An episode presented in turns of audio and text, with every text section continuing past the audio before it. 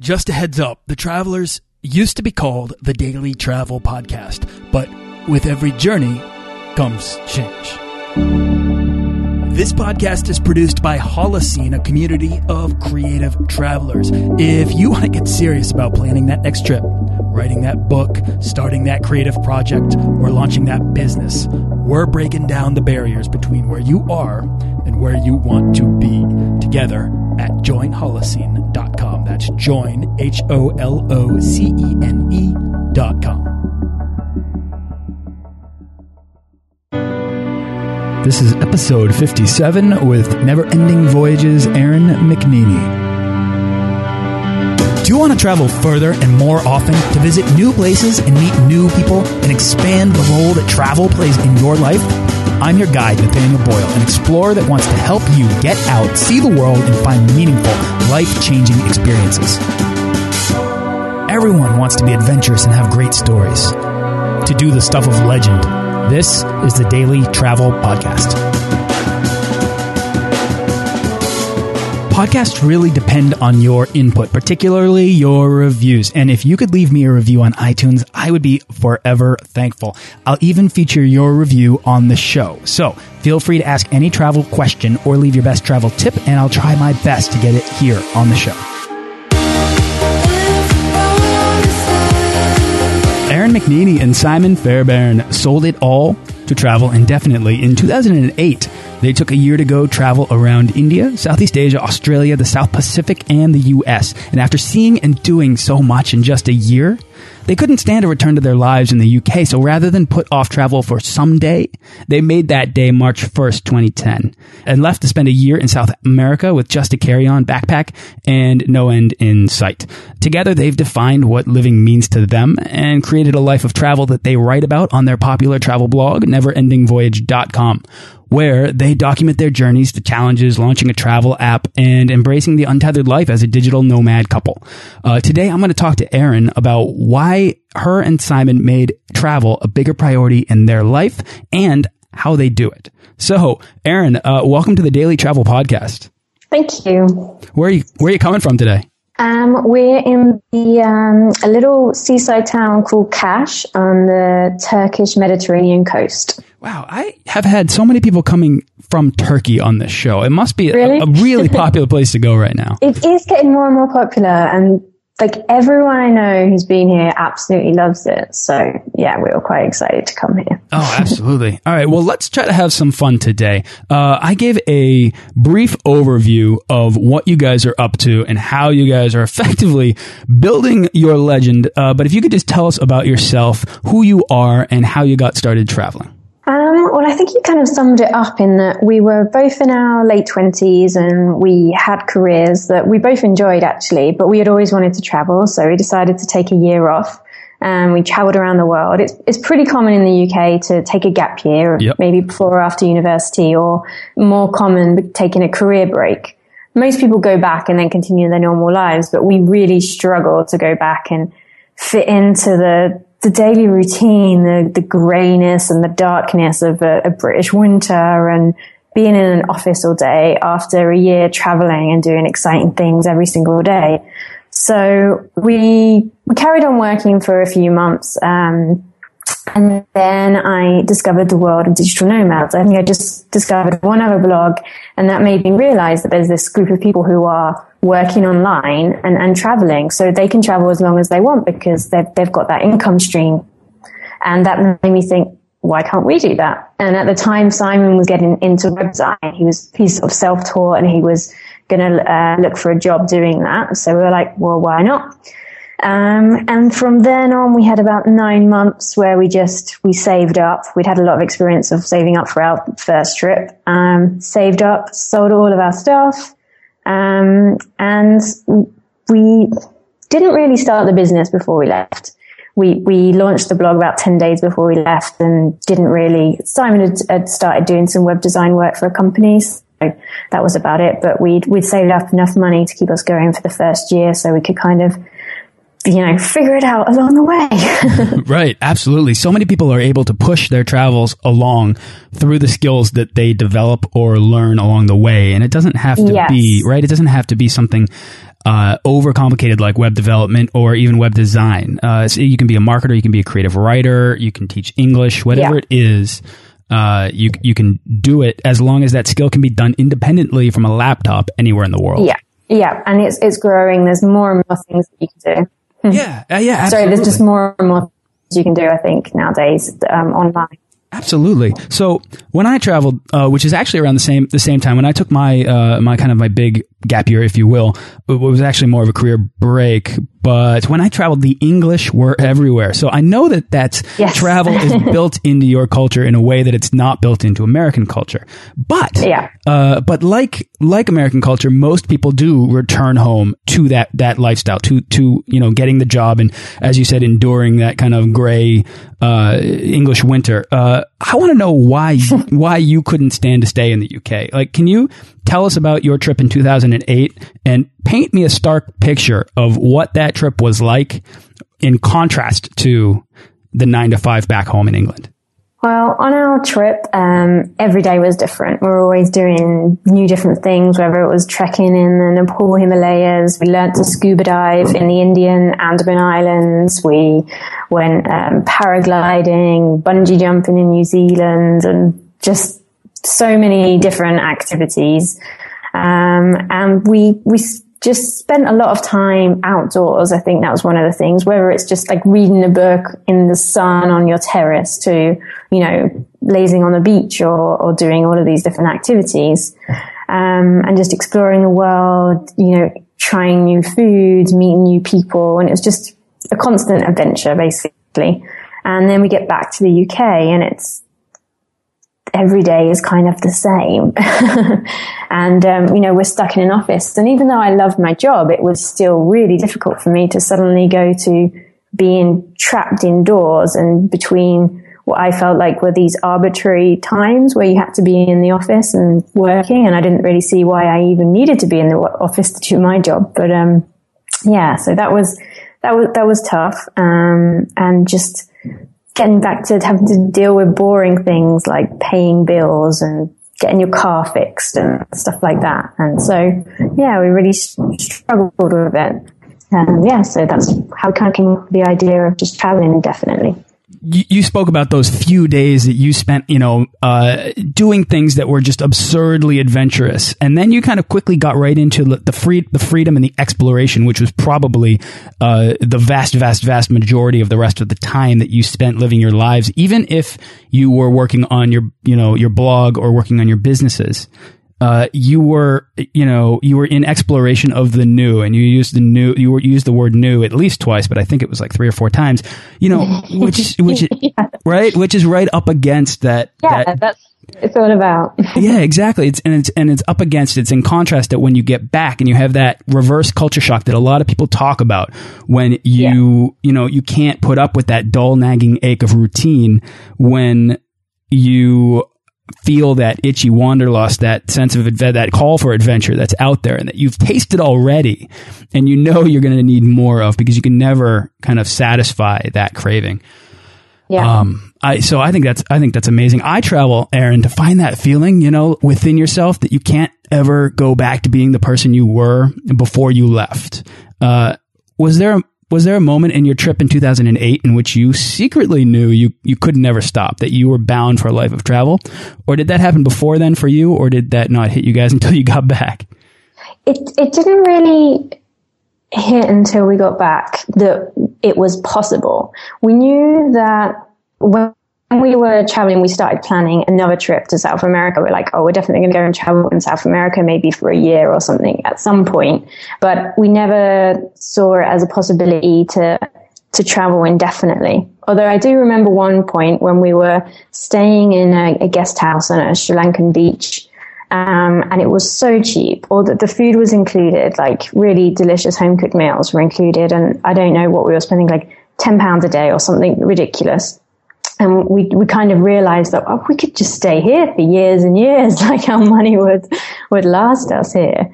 But we didn't at that point, you know, have the idea of what we could do for work, or you know, we knew that Simon especially would be bored just staying in one place without something to do. He's not a kind of guy who can just sit on the beach. You know, he, he likes to be creating things. So, but we didn't really, hadn't really realized that that was possible at that point. Um, it was only when we got back and discovered the world of digital nomads that we realized that, you know, there's no reason why we can't just keep on, keep on doing it indefinitely.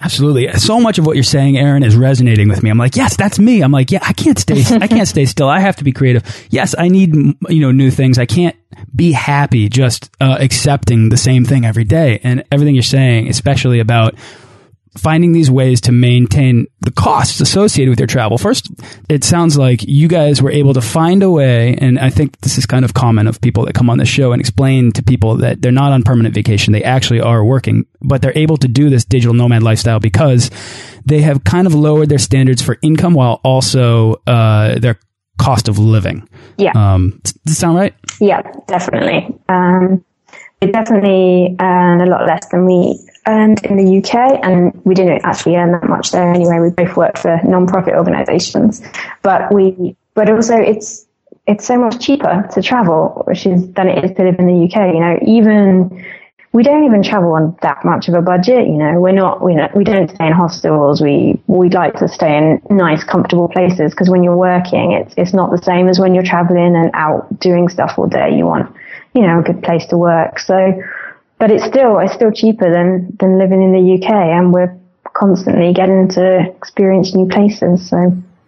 What sort of places do you uh, do you stay at, and do those help you guys to actually get your work done on a daily basis? Yeah, I mean, we our lifestyles are kind of a mix of what we call sort of that a travel periods and more settling down. So, for example, over Christmas we spent three months in Chiang Mai um, in Thailand, which is a popular digital nomad spot because it's uh, because it's it's very popular because it's it's cheap, it's a great lifestyle, the food's great, and um, Wi-Fi is good, and you can find apartments to rent easily.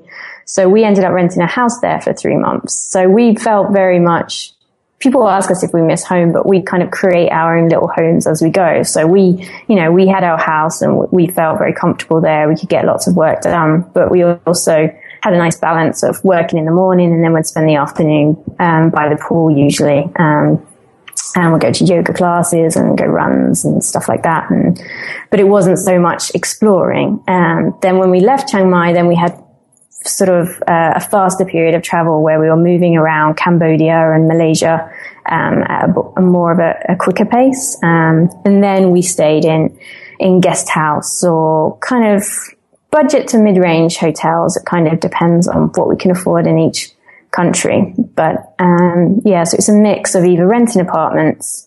Which is much better for us to get work done or staying in kind of guest house and hotels when we're moving around a bit faster.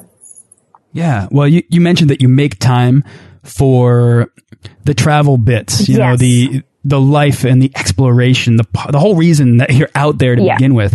how are you guys able to manage your work life balance while you're on the road and there's so much to do at any given moment? Yeah. It's, it's the trickiest thing that I think every digital nomad struggles with because you end up either traveling all the time and not fitting any work in or you know, you stop and you just work and then you never leave your, you know, apartment. Um, we've, we're getting. can be the worst. Yeah. yeah. We're getting better at worst it. feeling. Like being on the laptop all day drives me insane. So I, in particular, I try to limit, uh, working in the morning and then do stuff, go out in the afternoon or like go to the beach or a pool or, you know, just kind of take it easy, get outside.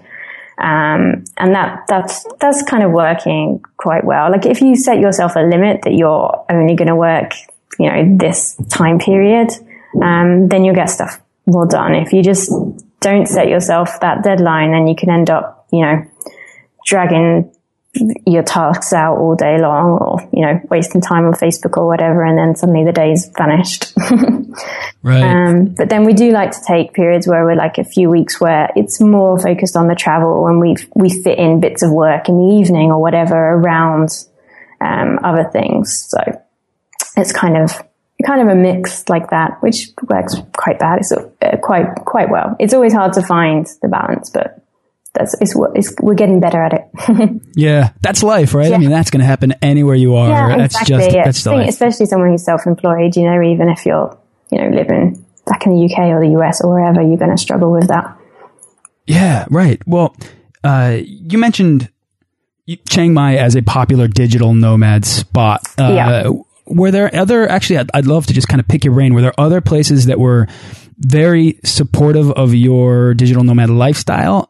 And on the flip side of that, were there places in which it just failed and you knew you were going to have to leave sooner than you expected? Yeah. Um, there are for us, like it's not always the same for solo travelers who are quite happy living in a hotel for months. But for us, it's really important for us to somewhere that we can rent an apartment so that we can one have a comfortable place to work as we're not so much into working in cafes like other people are and two have a kitchen because it gets really tiring eating in restaurants all of the time.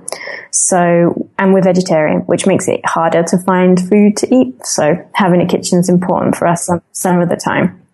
Um, so places that have low cost of living, good Wi-Fi and apartments for rent. Um, Buenos Aires was great, although we were there four years ago and I think the prices have gone up a lot since then. Um, yeah. Um, Medellin in Colombia is another popular one. Um, it wasn't our favorite, um, but you know, it, it can be a good place, um, to work for a few months. Um, Mexico is fantastic. I think Thailand and Mexico are the two best countries for digital nomads that we've been to so far. And, you can find apartments in Mexico, it seems like anywhere, and you can find, um, it's much cheaper in Mexico to kind of live there rather than travel as a, as a tourist. Um, sure. Yeah. Where in Mexico? We spent three months in Playa del Carmen on the Caribbean coast and three months on the Pacific coast in a really tiny beach town called San Pancho, which is near San Pancho. Yeah, near Puerto Vallarta. Oh yeah, all right. Well, I'm going to find the articles that you talk about uh, yeah. this this village, and and uh, yeah, I'll link to them in the show notes. Yeah, we've got some posts on cost of living there and what what it was like to live there in both of those. So, so tell me about what you're up to in Turkey these days, and uh, how you like the country. Um, we actually came here um, from Thailand because um, it was my mum's 60th birthday and my dad wanted to arrange a surprise get together with all of her brothers and sisters and my nan and, and us.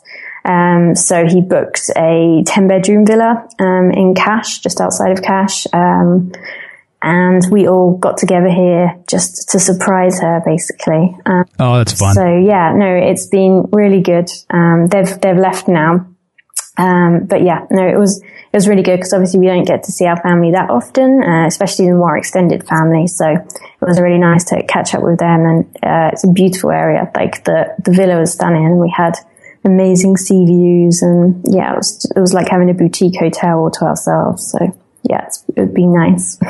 so now you brought up family, and I have mm. to ask because I think uh, probably we talk about the the prohibitive aspects of travel, which are cost, time, uh, social pressure, and all that. At the same time, people might have that desire to go out and experience long term or indefinite travel, but family is something that people really struggle with. Uh, departing from you know why would you why would you want to leave the people that are closest to you uh, how and it sounds like you guys are still close to your family so i'm just curious uh, how did you overcome that hurdle uh, emotionally? Um, it's we didn't live in the same town as our families so it was like we only really saw them a few times a year anyway so it wasn't that big of a jump you know it's not like we were seeing them every day um, and things like Skype make it really, really easy to keep in touch. Yeah. Um, and I guess the year we had uh, traveling first kind of eased us into it and kind of eased them into being used to the idea of us traveling.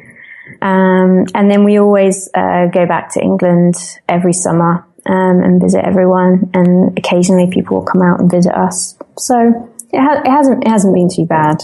Um, yeah, obviously we do we do miss some things, but then also our schedule is flexible so that we can do things like, you know, come and meet my mum for her birthday. Do your family understand your lifestyle now? And did they, uh, when, when you took off? Um, we've been pretty lucky. Like the, they have been supportive. Um, I think they think we're a bit strange, but, and like, you know, some, they're obviously upset that we were leaving, but, um, they did understand, I think. Um, yeah, they understand why we want to do this and they're just happy for us, I think.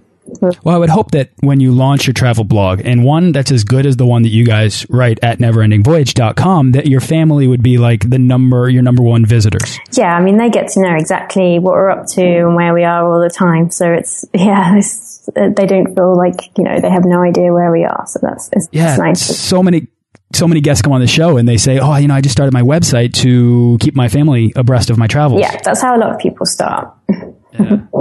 yeah, well, it's and it's it's it's a very useful way of going about it, and then that kind of accidental entrepreneur occurs yes. when they then they recognize, oh, wait a minute, I'm doing something of value for others. Yeah. Um, yeah, I think that's I think that's so cool. Okay, Erin, this is the part of the show that's a bit of a lightning round where we boil down the how and the why of travel mm -hmm. into pragmatic advice. Yeah. So if you've listened to the show, you're going to know what's going on. I'll give you a series of questions and you'll give me your best travel tips. Does that sound good? Yep. Awesome. All right. For a lot of people, taking that first step out the door can be the hardest part of travel. So what's your advice for anyone dreaming to take that first step to becoming a world traveler? Um, realizing that it's possible. I mean, if you read a lot of blogs and stuff, that's what made us realize that being a digital nomad was possible because if all of these people are doing it, then why can't we? So I think that helps. If you want to travel long term, then read about long term travel bloggers, you know, then that will, you know, give you the confidence that you can do it too. Yeah. One of the cornerstones of this show is the, the, the fundamental belief of my own that there's really no better source of inspiration or insight into travel, destinations, how-tos, knowledge, whatever, than travel bloggers. And we're in this really lucky time where we're not beholden to the travel guide, but we actually have this swath of travel bloggers out there writing, giving real, genuine human perspectives on different places. Yeah, exactly. so, yeah, I love that. All right. So, the biggest hurdle for most people who want to travel more and especially seek out adventures like your own is cost. Do you have a uh, secret money saving tip or a travel hack? Well, we think the most important thing in terms of uh, saving up for your money and staying on budget when you're traveling is to keep track of your expenses. And we did this before we left, you know, when we were saving. We wrote down every single thing we spent um, and then kind of created a budget so that we could um, gradually reduce our expenses and re- um, increase our savings. And then on the road, we do the same. We write down every single thing that we spend so that we can, you know, stick roughly to a daily budget in different countries that we are. And we find that that consciousness, that kind of awareness of what you're spending, you know, really helps you to save. Um, so you're not just wasting money on, you know, lots of coffees or beer or whatever. It kind of really makes you realize what you're spending your money on. And we actually, we're, we're so into tracking our expenses that we created a, an app that does it for you, um, called Trail Wallet. And that's made it easier for us because we used to have like complicated spreadsheets to, that we put in all of our expenses in. We had to remember what we'd spent during the day. Um, but now we just do it quickly when we're out and about. Um, just enter what we spent in Trail Wallet and then it, it uh, does all the currency conversions and tells us um, how much money we've got left to spend and what different categories we've been spending it on. I love that. So I'm glad you brought it up because I was just scribbling down bring up trail wallet. Because um, it can be really tough to uh, to save and to, to identify the things that you can cut out of your daily life yeah. without kind of nickel and diming your happiness when when you're back home. The whole point is to, to live a happier life, right? Yeah. So if you cut out the things that don't make you happy, but if you can quantify those things with a cool app like Trail Wallet, yeah it can, it can kind of become addictive. Yeah. It, loads of people say um, that trail wallet becomes addictive. It kind of sounds like a really boring thing to do, but when you start doing it, you, you can't stop. oh, it does just make you really aware, like you said, on what you're spending it on and do you really want to be spending it on that, you know? Like, and if you do, that's fine. Like, you know, we want to spend money on good food. That's important to us, but other things, you know, are less important to us. So we'd rather, you know, spend money on, on this um, and save money elsewhere. Yeah, it's create. It's all about creating systems and habits in order to have money saving strategies. I'm such a fan of of people who create their own solutions for things. So that's very very cool. Um, all right, Erin, packing is easily my least favorite part of travel. Do you have any advice to help people pack better? And I know that you can do this because you guys have been. Uh, just traveling with carry-ons, right? Yeah, um, we write a lot about this, and, and that's my biggest tip is just to buy a carry-on sized um, backpack or suitcase if you want. Um, so maximum 30 liters. Mine's 30 liters and Simon's is 40 liters. Um, and if you restrict yourself like that, then you don't have a choice. You can't overpack. Um, and then you can always take it on planes and buses with you. So we just feel more secure that way because it's all of our belongings in the world in one bag, you know. So we, we like to keep it close. and um, it just makes life so much easier when you're having to walk uh, around town looking for accommodation or or running to get a train or whatever. Just just having that one small bag makes life a lot easier. Yes, remain flexible with uh, without bringing too much, and just buy stuff wherever you go. Um, I, I, I, exactly what you said. You know, I know when I when I went on my around the world trip, I was like lining everything up, and my girlfriend at the time was like, "You're you're doing this wrong," and I was like, well, "What do you mean? I need this stuff?" She's like, "No, take this bag, pack this bag, don't pack anything else." Yeah. And, yeah. Yeah. Yeah. And then I was like, and then she was like, put the bag on. And I put the bag on and I was like, whoa, okay, we need to bring less. yes. Uh, yeah. Right. Yeah. Definitely do, um, before you go, you know, pack everything and walk around with it for a while. And then, uh, then you might change your mind about how much you want to bring with you. yeah. Right. Erin, do you have a favorite internet travel tool or resource that you use?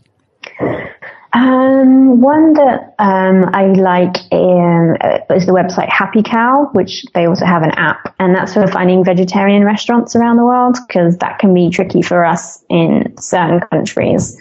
Um, and the app is uh, all the information on the website, but the app can be particularly handy because you can just search for the nearest vegetarian restaurant, and then you know they've got lots of reviews and all the information about it. So that's yeah, really helpful for us vegetarians. Yeah.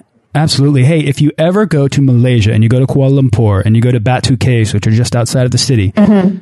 There is, or at least a few years ago, was a fantastic little, uh, at the base of the caves, vegetarian uh, Indian restaurant that I yes. can't stop thinking about the flavors I tasted at that restaurant. the Indian years after the fact. We haven't been there, but the Indian food in Kuala Lumpur is the best we've had outside of India. It's so good oh, and really, really cheap as well. I don't doubt it. Absolutely. It's the places in which the culture kind of starts to kind of clash together and blur the lines that food starts to kind of take on new life. Uh, and Malaysia is definitely one of those places. Mm -hmm. Erin, do you have a favorite travel book? Um, I read a lot, and whenever we're going to a new country, I'll read novels and, and nonfiction like um, around those countries. Um, so it's hard to pick just one but probably the one that influenced me when I was in my teen, uh, when I was a teenager, uh, was um, God of Small Things, um, which is set in Kerala in India, and just the descriptions of kind of the luscious green backwaters made me want to go to um, India, and we ended up traveling there, um, and it was still one of our favorite places in the world. And if you haven't already, you can get this book or any book mentioned on this show for free from audible.com by going over to freetravelbook.com. So check that out. Was that call to that place really one of the things that inspired you to get going on in, in a life of travel?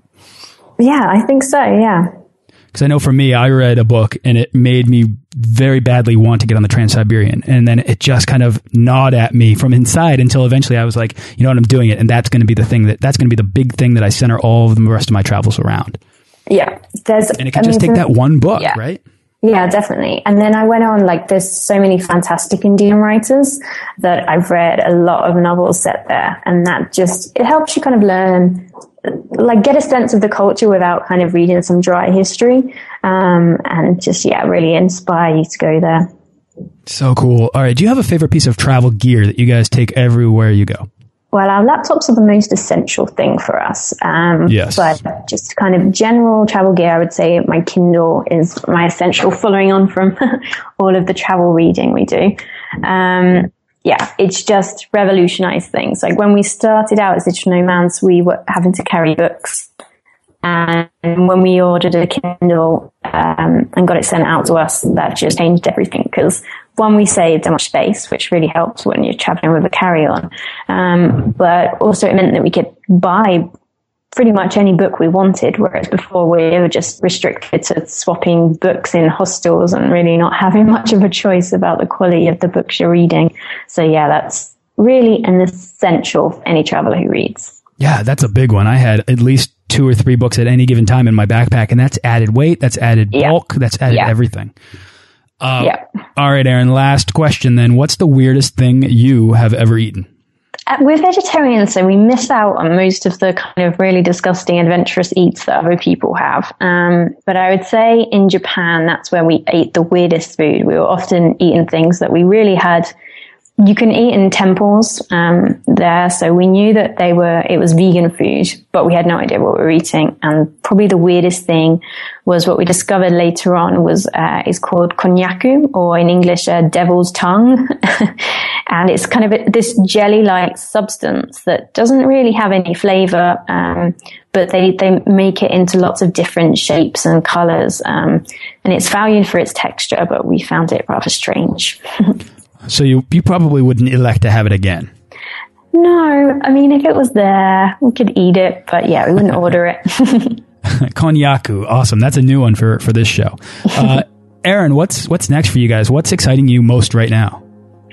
Um, well, we're heading to Cappadocia um, next week, which has the amazing rock formations, and we're doing the kind of classic hot air balloon that everyone does when they go there. So we're looking forward to that. But then um, next month uh, we're house sitting in Andalusia in Spain, um, and we're really excited about that because it's going to be a completely different experience for us because it's a remote, um, off the grid farm um, with horses and dogs and cats, and we're uh, yeah, in, kind of in the middle of nowhere. So we're but there's internet, um, so we're really looking forward to that as a completely different experience. Is this going to be your first time house sitting? No, we've done it. We usually do it maybe once, once or twice a year. Yeah, no, we, we really love it. Um, um, it's a really great way to it takes you to places you wouldn't go otherwise, and obviously is a really good way of saving money on accommodation. Awesome. So, where can people go to find out more about you and Simon? Um, it's a neverendingvoyage.com is our website, um, and voyagetravelapps.com is um, our app website where we've got information about um, Trail Wallet, which is our travel budget app. Awesome. All right, Erin, thanks so much for coming on the show. This has been really cool to talk to you about travel, about how you guys are able to do it, and why it matters to you. Uh, I know I'm already i I've taken some notes for myself, and I'm like, oh, I'm going to give that a go. So uh, I really I really appreciate your insights. Thanks so much for coming on the show. No, thank you very much for having me. It's been great. Thanks for listening to this episode of the Daily Travel Podcast. For show notes and links to everything in this episode and more, head on over to dailytravelpodcast.com. Join our Facebook page of explorers and subscribe to our newsletter for the best deals and resources to help make your next trip life changing.